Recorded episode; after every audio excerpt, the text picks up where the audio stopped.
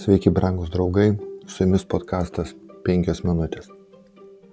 Prieš viešpačių išvedant Izraelio žmonės iš Egipto, maždaug prieš per mėnesį Egipto ištiko dešimt negandų arba nelaimių.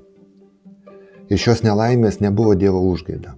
Prieš daugelį metų Dievas perspėjo Abraomą pradžios 15 skyriui 14 eilutėje skaitome, bet tautą, kurią jie vergaus, aš teisiu, po to jie išeis su dideliu lobiu.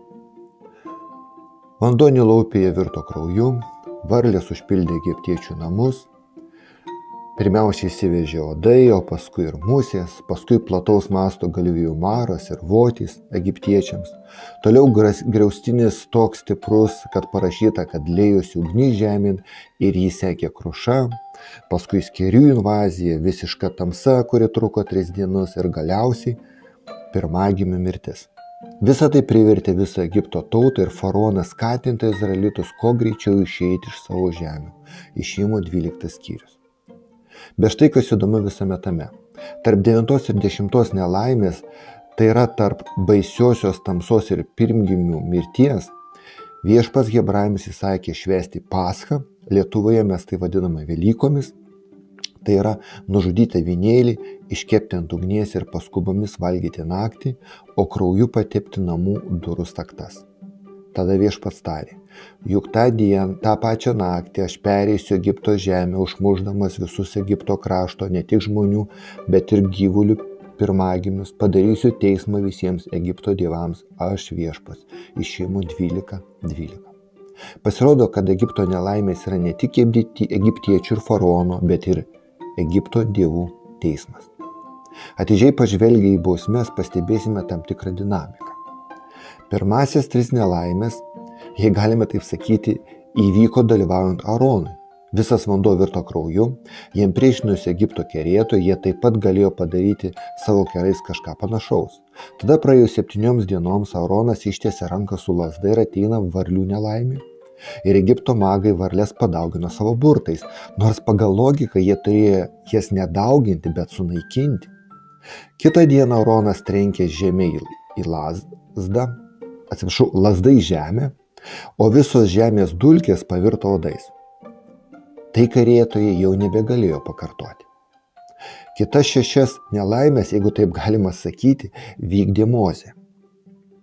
Pažymėtina, kad pradedant ketvirtąją nelaimę, Dievas atskiria Egipte, Gošeno žemę lygtai atskirai nuo Egipto, kurie gyveno hebrajai. Vėlesnės nelaimės to žemės dalies nepalėtė. Kiekvienoje vėlesnėje bausmėje arba nelaimėje Mozė asmeniškai susidūrė su faraonu. Kai faraonas po devintos nelaimės atsisakė paleisti hebrajus, jis pasakė Mozijai, neždinkis nuo manęs. Saugokis pamatyti mano veidą, nes tą dieną, kai pamatysi mano veidą, mirsi. Mozė atsakė, te būna, kaip sakai, aš tavo veido niekad daugiau nebematysiu. Išėjimo 10, 28, 29. Liko viena baisiausia bausmė. Jie įvykdė asmeniškai Dievas.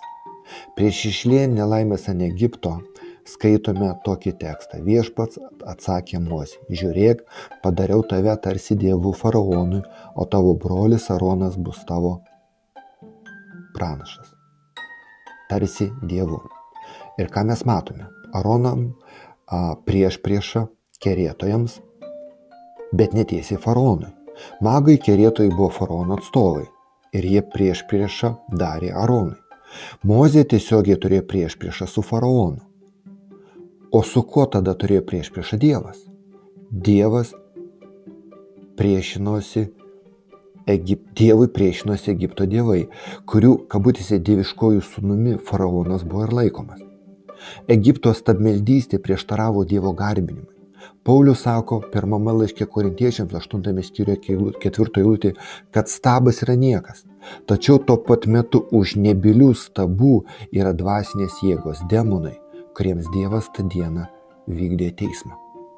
Mėly draugai, Egipto nelaimės yra ne tik žemiškos katastrofos, jos yra didžiosios kovos tarp Kristaus ir Šetono išraiška, rodoma mums žmonėms suprantama forma, suprantama kalba.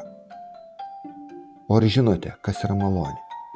Dešimtosios bausmės metu nebuvo svarbu kilmė, padėtis visuomenė, socialinė padėtis, sveikata, amžius ar lytis. Svarbus buvo tik tai paschos Velykų avinėlio kraujas ant durų staktų. O kas jums yra svarbu? Su jumis buvo podkastas 5 minutės.